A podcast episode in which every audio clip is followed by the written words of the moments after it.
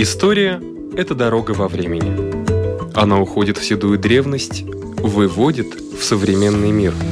Она показывает, рассказывает, объясняет. И не перестает удивлять. Живая история.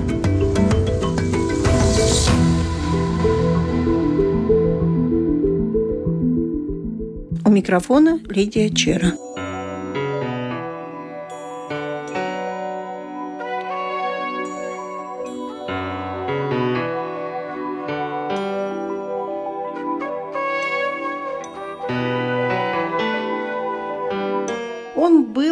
Легендой своего времени. Его называли народным латышом Советского Союза. Он блистал в самых известных картинах и сотрудничал с самыми именитыми режиссерами. Эдуард Паулс 7 июля народному артисту СССР исполнилось бы 92 года. Историк Даце Улпен, которая хранит память о великом актере. Скажите, как получилось, что из работника лесопилки получился Ромео? Мы несколько раз это уже обсуждали даже в таких публичных лекциях и в Доме Аспазии, и в музее Эдуарда Павла. История очень интересная. Она начиналась уже тогда, когда сам актер еще не родился. Потому что его родители, это тоже такая романтичная история, его отец был латышским стрелком, и, возвращаясь домой после Первой мировой войны, он в Риге встретил девушку, которую полюбил, привез домой, но его семья как-то девушку не приняла. Поэтому Карлос Павлус решил, что он уйдет от своей семьи, где они жили в Саловской волости, это недалеко от Риги, и переехали в Юрмалу. И так всю жизнь прожили в Юрмале. И эта любовная история, наверное, как-то повлияла и на характер будущего актера, который, да, родился совсем такой обычной рабочей семье. Мама была домохозяйка, отец работал в лесопилке, также занимался рыбалкой. И Эдуард тоже вырос в такой обстановке, не думая даже о театре, не мечтая. У него, правда, был один друг, который был абсолютно таким фанатом театра, и этот друг его уговорил поехать в Ригу, когда в театре Дайлас происходило принятие в студии актеров. Эдуард Смильдис, режиссер великий, он э, решил, что юных актеров надо воспитывать не в академии и не как-то в лекциях читать им, как же быть актером, но надо их воспитывать прямо на сцене. И так это и произошло. И эта история тоже довольно интересная. Эдуард Павел с удовольствием рассказывал, когда встречался со зрителями это принятие происходило довольно обычным способом. Значит, э, юные люди должны были прочитать стихи, прочитать какой-то отрывок прозы и сыграть этюд. С э, стихами и с прозой все было понятно, конечно. Причем Эдуард Паулс, ему тогда было только 16 лет, он еще учился в средней школе. И он, конечно, это все понимал, как стихи читать, это учили в то время в школе, и прозу тоже надо было отрывками учить наизусть. Но что же такое этюд? И многие студисты того времени, они вспоминают э, одно и то же, так что довольно достоверно, что так и было, что они не понимали, что такое этюд. Би Артман, которая училась вместе с Эдуардом Павлусом, она тоже вспоминает, что все очень боялись, потому что думали, что надо будет играть пианино. И mm-hmm. это какое-то музыкальное произведение, этюд. И что же они сейчас будут делать, потому что никто играть не умеет, придется ехать домой, и никто артистом не станет. Но, конечно, все оказалось совсем по-другому, и тогда произошел такой вот курьезный случай, потому что этюд Эдуарда Павлуса был такой. Что бы он сделал, если в жаркий летний день он на дороге встретил бы злую собаку? И Павел сделал именно то, что он всегда потом делал со своими ролями. Он подумал, что же он в реальной жизни бы сделал. И вспомнил, что ему учил дед. Он встал на четвереньки и рыча пошел напротив этой комиссии, которая принимала молодых актеров. И это даже сейчас представляю, так комично получается, потому что в комиссии это были все гранды того времени, да, из театра, сам Эдуард Смильдис, Фелиций Тернер и другие очень знаменитые люди – очень серьезные, конечно, в театральном мире.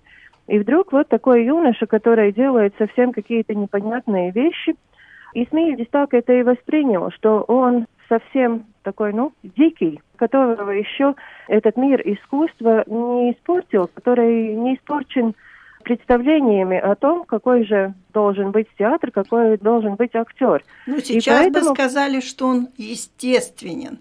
Да, но в то время, конечно, было совсем иное представление о том, какой должен быть актер ну, и да. как он должен играть. И поэтому это было так очень необычно. Но Павлоса действительно приняли в театр. И, наверное, Смильдис сам думал, что он сейчас из этого самородка, он будет этот Лепить. бриллиант делать. Да. Но получилось да. несколько по-другому, потому что Павлос, без того, что он очень талантливый актер и очень интересная личность, он еще и довольно такой своенравный и любил все делать по-своему. И поэтому они со Смельдисом вообще не очень ладили, и было достаточно трудно им сработаться. Но человек, который из Павлоса сделал Ромео, это была одна девушка, с которой он уже был знаком довольно давно. Они вместе в школе учились в Юрмале. Но так по-настоящему они познакомились в 1948 году на балу Лигу в Мелужском эстраде, где был бал. И они танцевали вместе, познакомились. Но ее Эдуард... еще не звали Лилией. Он ее вроде бы знал, но они не были так близко лично знакомы. И тогда они так по-настоящему познакомились. Эдуард пригласил Лилию на встречу, и потом она ему отказала потому что ее подруги отговорили, сказали, что он же актер, он в Риге, там у него, наверное, уже несколько подружек, и в Юрмале тоже, и зачем ты ему нужна? И Лила и поверила, и на эту встречу не пошла. Но все-таки через год они встретились опять, и тогда уже эта любовь никуда не исчезла, она разогрелась и разгорелась, и потом уже горела всю жизнь. Они прожили вместе больше, чем 50 лет, сыграли золотую свадьбу – и они до сих пор вместе, там, в Саловском кладбище.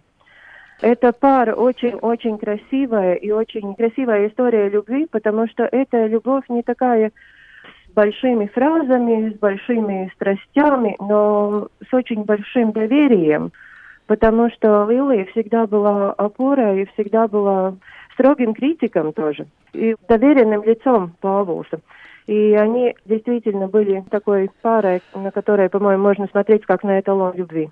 Добавлю, у Эдуарда Павлуса были голубые глаза, русый от природы цвет волос, светлая кожа и средние губы. Форма лица прямоугольная, лоб высокий, волосы прямые, с возрастом седые.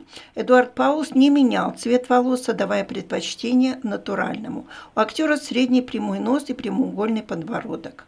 Иногда носил очки – Рост актера метр восемьдесят пять, татуировок нет.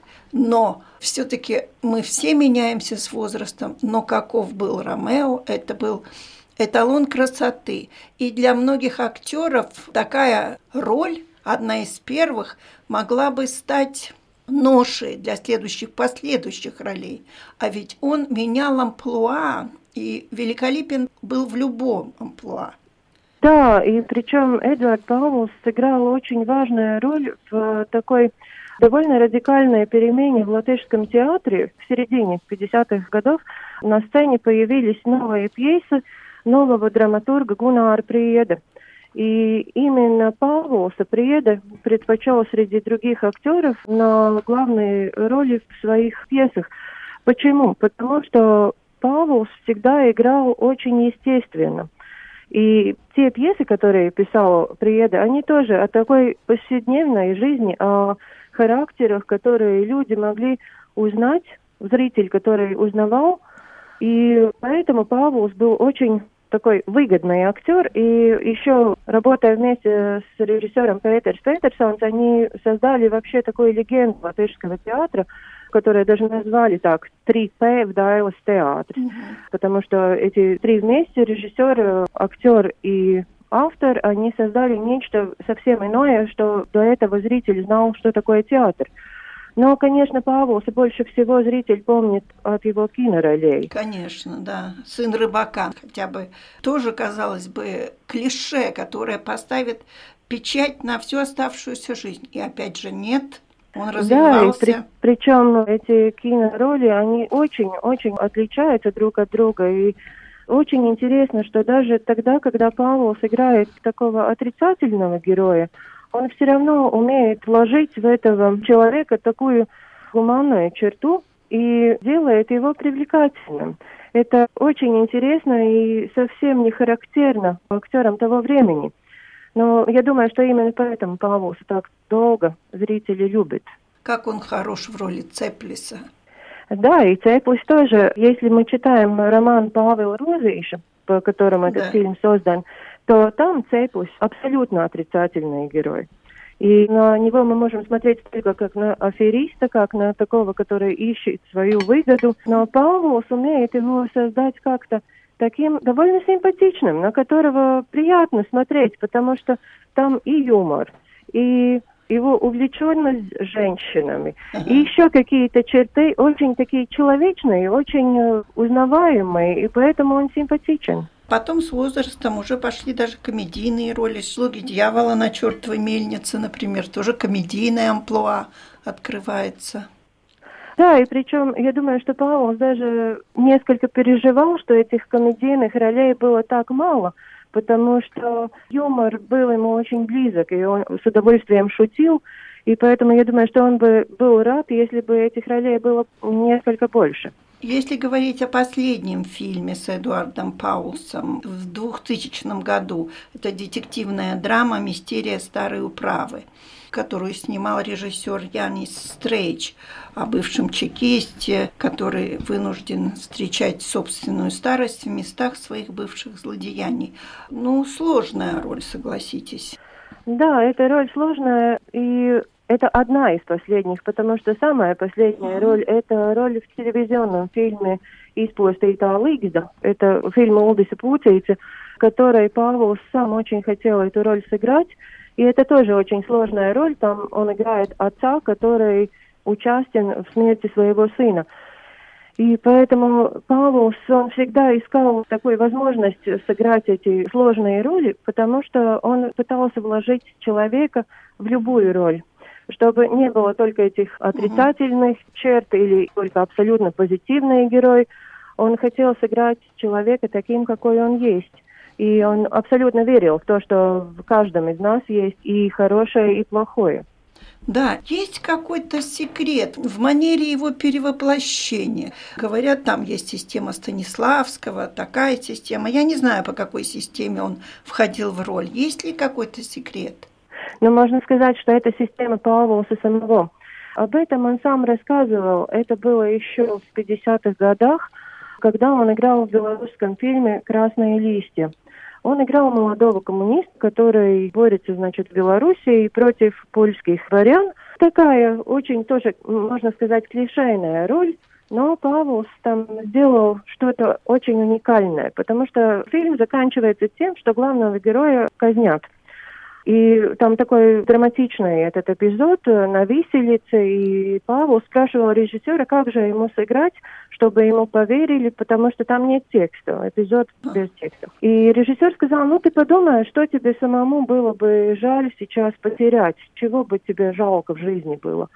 И Павел подумал, конечно, о Лилии, подумал о своем новорожденном сыне, подумал о Латвии, подумал о всем том, что ему дорого, и он был очень эмоциональным человеком, и довольно естественно по его щекам скатились слезы. Оператор это снял, конечно, потом это монтировали фильм, режиссер очень доволен был, потому что этот драматичный эффект был абсолютно достигнут. Но тогда, когда фильм принимали, те, которые помнят те времена, то, конечно, мы понимаем, как тогда принимали фильм. Это были не люди художества, а это были люди партии и так далее. Да, да, и да. эти люди, конечно, сказали, что нет, такой эпизод надо вырезать из фильма, потому что коммунисты не плачут. Ах, вот как. Да. В этом фильме снималась и актриса Клара Лучко, которая уже на то время была достаточно знаменита, и она очень э, заступилась за Павловса и очень заступилась за эту роль и за этот эпизод. Но один из людей, которые были в комиссии, которая принимала этот фильм, он сказал, что он воевал, он прошел всю войну, и коммунисты действительно не плачут, и так это нельзя показывать, потому что он прошел всю войну, он вообще не думал ни о доме, ни о жене, ни о детях, о, он думал только о Сталине, о победе. О, и тогда Клара Лучкова сказала такие слова, что даже трудно поверить, что в 1957 году она что-то такое могла э, произнести вслух. Она сказала, тогда вы не человек, вы сволочь на этого ветерана войны. Как-то это подействовало, и все-таки этот эпизод в фильме оставили. И потом Павел сам рассказывал, что в то время он чувствовал, как это происходит, что тебе надо срастить этот чужой образ с самим собой. И только тогда, когда ты это сращаешь и чувствуешь себя как этого другого, только тогда ты можешь создать образ, которому поверят и зрители. И, наверное, так он действовал и всегда в другой раз. Согласитесь, сейчас практически модно вытаскивать все, что раньше скрывалось. Мы узнали о том, что у Вии Артманы, дочь от российского режиссера, мы узнаем какие-то скрытые тайны. У Эдуарда Пауса были такие партнерши, такие женщины великолепные. Как вы считаете, он увлекался партнершами? Павел сам сказал, что у него есть теория партнера. Партнер должен быть и в жизни, и на сцене, и, в кино. И партнер должен быть таким, каким партнер является, если вы пилите дрова ручной пилой. То есть ты не можешь давать да. сильно, и ты не можешь таскать сильно. Да. Тебе надо чувствовать партнера, и тогда уже пойдет как скрипку играя. И именно к этой теории он всю жизнь не придерживался – и его театральная партнерша, с которой он играл 23 года на сцене, Дина Купла, она говорила, что они настолько сыгрались, что она всегда могла положиться на Павла, и он никогда ее не подводил. А Павел сказал, что в глазах Дины он может прочитать свой текст. Вот Ему как-то. приписывали очень много его партнерш, начиная, Романов, конечно, да? с Ли Артмана но никогда и ни с одной ничего у него не было. И это я могу достаточно уверенно сказать, потому что я говорила с очень многими его коллегами, его родственниками, людьми, с которыми он дружил. И все абсолютно уверенно всегда говорили, что у Павла была только Лилы. Только Лилы, она была его родиной, его домом, его семьей, абсолютно всем для него. Дети? Да, у него дочь и сын, Сейчас уже внуки, правнуки, они все еще живут в Юрмале. Но никто из них не стал актером? Нет, никто. Что касается музея, пока закрыт? Пока, к сожалению, закрыт. Но Можно он тоже посмотреть... в Валдорах находится? Нет, музей находится в Бабовитис Новац, да. Салас Пагаст. Значит, это напротив Валтер, через реку Лиелупа. Через реку, да. Да, и там находится старый Саласский волосной дом – где Эдуард Павлов в юности ходил на балы. Он очень любил танцевать. В том же самом доме снимались эпизоды для «Долгой дороги в дюнах». И так получилось, что тогда, когда дом уже реновировали четыре года назад, то решили, что там будет музей. И музей, одна экспозиция посвящена истории, и другая Эдуард Павловс. Потому что его род, род Павловсов в Саловской волости живет уже с 16 века такое генеалогическое древо. Да, и причем это дерево можно посмотреть даже в реальности, потому да. что художник Роберт Динерс его сделал как дерево. Это скульптура очень интересная, очень красивая. И когда будем опять открыты, тогда, конечно, ждем всех посетителей посмотреть и на рассказ Эдуарда Павлуса, и на все остальное, что мы можем там показать им. 92 года исполняется народному артисту СССР Эдуарду Павлсу. И, конечно, мы все очень рады, что память о нем жива. У нашего микрофона была историк Даце Улпе.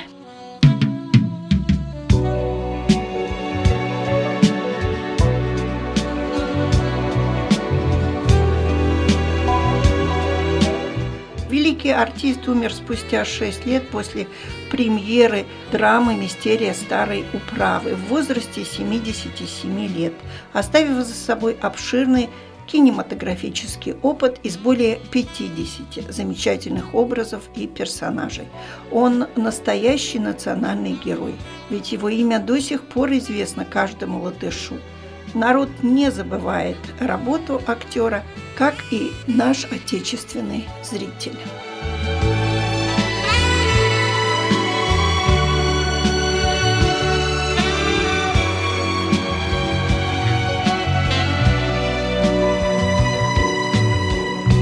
Сейчас, когда большей частью выставки проходят виртуально или параллельно, у кого виртуально, и сразу, если только откроется музей, сразу мы сможем их посетить, то, по крайней мере, Мадонну на серпе Луны, уникальную скульптуру 15 века, сделанную из дуба, уже можно оценить виртуально. И даже не совсем как-то виртуально, а там есть даже какие-то особые методы, как мы сможем ее увидеть. Эту Мадонну еще называют Рижской Мадонной. Почему? Историк Анастасия Смирнова. Действительно, скульптура очень уникальная, рижская. Почему? Потому что Рига в средние века входила в состав так называемой Терра Мариана или землей Девы Марии – и то есть культ для католической и Ливонии, и Риги был очень-очень важен. И даже в средние века путь полной трудности вот к Терра Марианы, к алтарям, Святой Девы Марии, их было множество разных алтарей в Риге, приравнивался к паломничеству Иерусалим. И если вот мы вспоминаем Старая Рига, какие самые важные даже строения, мы обязательно вспоминаем Рижский Домский собор. И вот в одном Рижском Домском соборе было даже четыре алтаря, посвященные Святой Деве Марии. Это показывает, насколько этот культ, это значение святой, было важно для Риги, для истории, культуры Риги. Сейчас вот этот вот код для католиков до сих пор, конечно, остался, но не до конца. Все равно некоторые символы, некоторые значения мы уже не понимаем. Мы не понимаем хотя бы так, как это понимали в Средневековье, Средневековой Ливонии, Европе, ну и, конечно, Риге.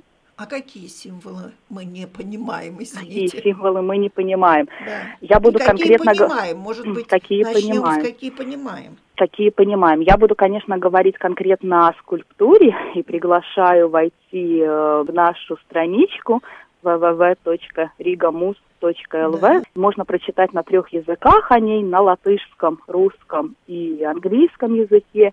И надо смотреть, если, например, на русском выставке виртуальные выставки. Я да. буду говорить о конкретной скульптуре, которую теперь, если кликнуть на определенный сайт, можно посмотреть в 3D. Ее можно покрутить, ее можно осмотреть с разных сторон. Можно также осмотреть, например, волосы, которые очень тщательно проработаны. То есть, когда если ты в музее, ты ее видишь только с лицевой стороны. Конечно. И ты не видишь, не видишь. А она еще уникальна тем, что она круглая. Некоторые скульптуры, например, видны только с одной стороны. То есть как бы сторона спины не прорисована. Эта скульптура очень тщательно прорисована. Большая? Какие символы? Она достаточно большая, 117,5 угу. сантиметров в высоту. Какие символы мы понимаем? Мы понимаем, конечно, Богоматерь до сих пор является э, иконопись, Богоматерь. Мы понимаем праздники, Например, День Благовещения Святой Девы Марии, до сих пор важный праздник для нас. Вот он был 25 марта. Это тот день, когда Богоматерь получила радостную весть, к ней пришел Архангел Габриил, мы понимаем символ младенца. То, что мы, может быть, до конца не понимаем, это все остальное это цвета, которые мы не то чтобы их не понимаем, но, например, на скульптуре их, может быть, не до конца можно осмотреть, потому что мы видим, что золотая краска осталась, а вот такая карминно-красная краска, которая будет свидетельствовать далее о страданиях Иисуса Христа, она уже не так сохранилась детально, и только вот если мы будем анализировать другие аналоги в мировом искусстве, мы знаем, что Дева Мария, конечно, одета еще и в красное платье. Да но это не до конца сохранилось. Когда я исследовала, и большое спасибо также многим историкам искусства, к которым я обращалась, это про тот символ, что же за птица такая, которую держит младенец в руках. Вот очень долго везде я читала, что это голубь или по-немецки таубе. Да. Э, немцы писали в межвоенный период, что это голубь, символизирующий Святой Дух – историки искусства мне сказали, что все-таки это надо оценивать, что это птица щегол. И спасибо большое также сотрудницам Инги Калшстрем, Ева Оса, Элита Гроссмана и Андрес Преда, также из религоведения, которые меня направили на эту мысль, что это щегол. И щегол в руках Христа говорит о пути страдания Христа. Он напоминает терновый венец, у него красная также голова у этой птицы, и которая вот сейчас, кстати, в скульптуре не сохранилась. Что интересно, еще в 1938 году у скульптуры вот сохранилась полностью вот эти очертания птицы, голова еще была прорисована и корона у Девы Марии была прорисована, которая напоминает о 12 звездах, описании книги Иоанна Христителя. Да. То есть, опять-таки, этот символ не то, что нам непонятен, но если, например, не знать так хорошо историю искусства, историю религии, то можно просто это не увидеть до конца. Да. Как бы сказать, смотришь mm-hmm. на лицо, посмотрел mm-hmm. и ушел. А mm-hmm. почему она стоит на месяце? месяц. Это один из самых главных символов Рижской Мадонны. Он символизирует, во-первых, непостоянство мира и крещение, непостоянство. Также это популярный символ в истории искусства. Например, у нас сейчас пандемия, вот это вот непостоянство, вот это вот не знаешь, что будет.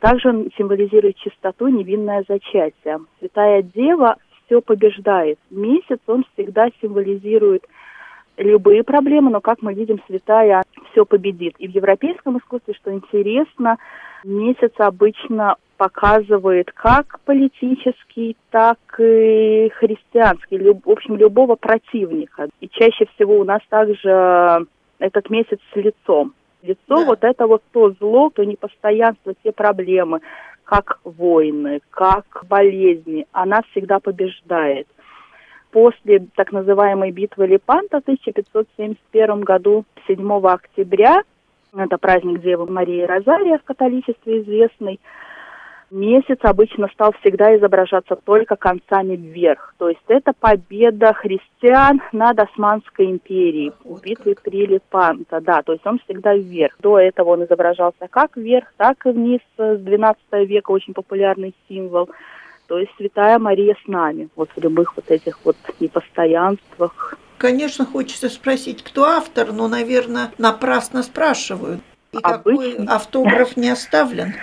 Автограф не оставлен, единственное, только до этого пытались говорить, что это Бернт Нолкет, известный автор также многих аналогов скульптур, но, скорее всего, это его эпигон, то есть подражатель его искусству. Но Рига была, как вы знаете, не бедным городом в средние века, могла да. позволить себе очень э, известных мастеров, могла заказывать дорогие скульптуры. Поэтому, скорее всего, возможно, автор тоже один из каких-то очень известных авторов. Когда-то немножко спекулировали про то, что это Бернт Нолки, но, конечно, он неизвестен, да. Есть что говорить о качестве красок. Вот вы сказали остатки карминного, остатки такого. Что это за краски по качеству? Происхождения можно как-то определить? Скульптура, как я уже говорила, очень качественная, да. краска дорогая. Есть и даже и волосы вот прочерчены. прорисовано, да. И краска, вот то, что до сих пор осталось, это золотая краска. То есть, в принципе, она в оригинале, если присмотреться и если знать, основное платье было карминно да. золотого, и сама апокалиптическая Мадонна на Луне в европейском искусстве известна она, что она как бы выходящий из сон. Сейчас до наших дней осталась золотая краска. Соответственно, золотая краска, это ничего нового не расскажу, это очень дорогая краска, именно золото. А, То есть там золото, как? Да. То есть первый слой у нее золотой, а потом второй у нее слой красный цвет. И, соответственно, вот это золото придает красному цвету такое вот сияние. То есть там два слоя, как? красный, который не сохранился, и золотой, который сохранился. А дуб хорошо сохранился? Она влаге не подвергалась? Она пережила очень много войн, начиная с так называемых церковных погромов Мартина Лутера – и кончая, конечно, двумя мировыми войнами, когда она действительно свидетель не только рижской истории, но и свидетель практически европейской истории, даже мировых событий. Я думаю, она подвергалась очень многим сама испытаниям, и не сохранилось вот это самое прочертание до конца птицы и короны. А все остальное, все символы, ну, исключая краску, сохранились просто превосходно. Прекрасно, прекрасно. Да. А она не покидала этого здания? она покидала это здание. И это здание тоже интересно, где же она изначально вообще была. Или это колокольня церкви Святого Петра, или уже упомянутые четыре алтаря Рижского Домского собора, да. да, четыре алтаря, посвященные именно Деве Марии. То есть вот изначальное место мы, во-первых, не знаем, потом третье, что она была очень долго в Рижской гильдии, и она была и патронесса Рижской гильдии, это именно Святая Мария. Потом, когда все имущество Большой гильдии в 1936 году было перено переняты Латвийской торговой и промышленной камерой. В 1940 году советская власть камеру эту ликвидирует, да. и Рижская Мадонна передается так называемому тогда Рижскому городскому историческому музею. Это именно современный музей истории Риги и мореходства, музей, где мы будем приглашать вас осмотреть скульптуру воочию, а пока да. вот эти вот э, возможности 3D, ее можно осмотреть со всех сторон – а вот в 1944 году немецкая оккупация Рижскую Мадонну и также много других ценностей музеев и архивов Латвии скульптуру перевозят в Германию. И после войны скульптура долго находится в городе Любике, в музее Святой Анны, Святая Мать Святой Девы Марии. Ее там реставрируют, изучают, и с 1951 года она является экспозицией вот, музея Святой Анны. И только во время празднования 800-летия нашей столицы скульптуру торжественно передают музею истории Риги и мореходства. То есть она неоднократно меняла не только в Риге свое местонахождение, но и даже территорию. Это реальное, так сказать, деление, да. У вас есть ощущение вот от нее святости? Как mm. вы ее смотрите? Вы знаете, как есть намоленные mm. иконы. Mm. Ты на них смотришь, они отражают какой-то вот идет какой-то процесс отражения того, что многие намолились на эту икону. Mm-hmm. Вот на эту как у вас ощущение? Лично у меня даже тогда, когда я получила задание, мне самой было интересно писать о символах, у меня было такое я однозначно ощущаю ее величественность, ее святость в том плане, даже не являясь, может быть, настолько верующим человеком, но я ощущаю вот эту величественность этой скульптуры. В том плане, даже тогда, когда я знаю, да, вот я буду про нее писать, я буду исследовать, и у меня такая была даже боязнь, смогу да. ли я. Это было очень-очень-очень тяжело. Во Поэтому... не снилась она вам? Mm, да, да такие вещи, mm-hmm. такие реликвии, они ведь несут в себе какой-то заряд положительный, отрицательный, ну, неизвестно какой. Как они ну, скорее вот такая людей. смелость, да, как я уже говорила, да? раз изменения, то есть скорее вот именно смелость, да, вы правильно выбрали слово. Хочу единственное пригласить да. слушателей посетить наш сайт, и потом там будет еще ссылка, можно прочитать на трех языках. И когда можно будет посетить да. музей, конечно, мы приглашаем, будем очень рады каждому посетителю. И почувствовать, музей. как все-таки, да. наверное, на каждого человека по-своему mm. влияет. Конечно. Святая реликвия. Спасибо. У нашего микрофона Спасибо. была историк Анастасия Смирнова. На этом наша передача заканчивается. Всего вам доброго.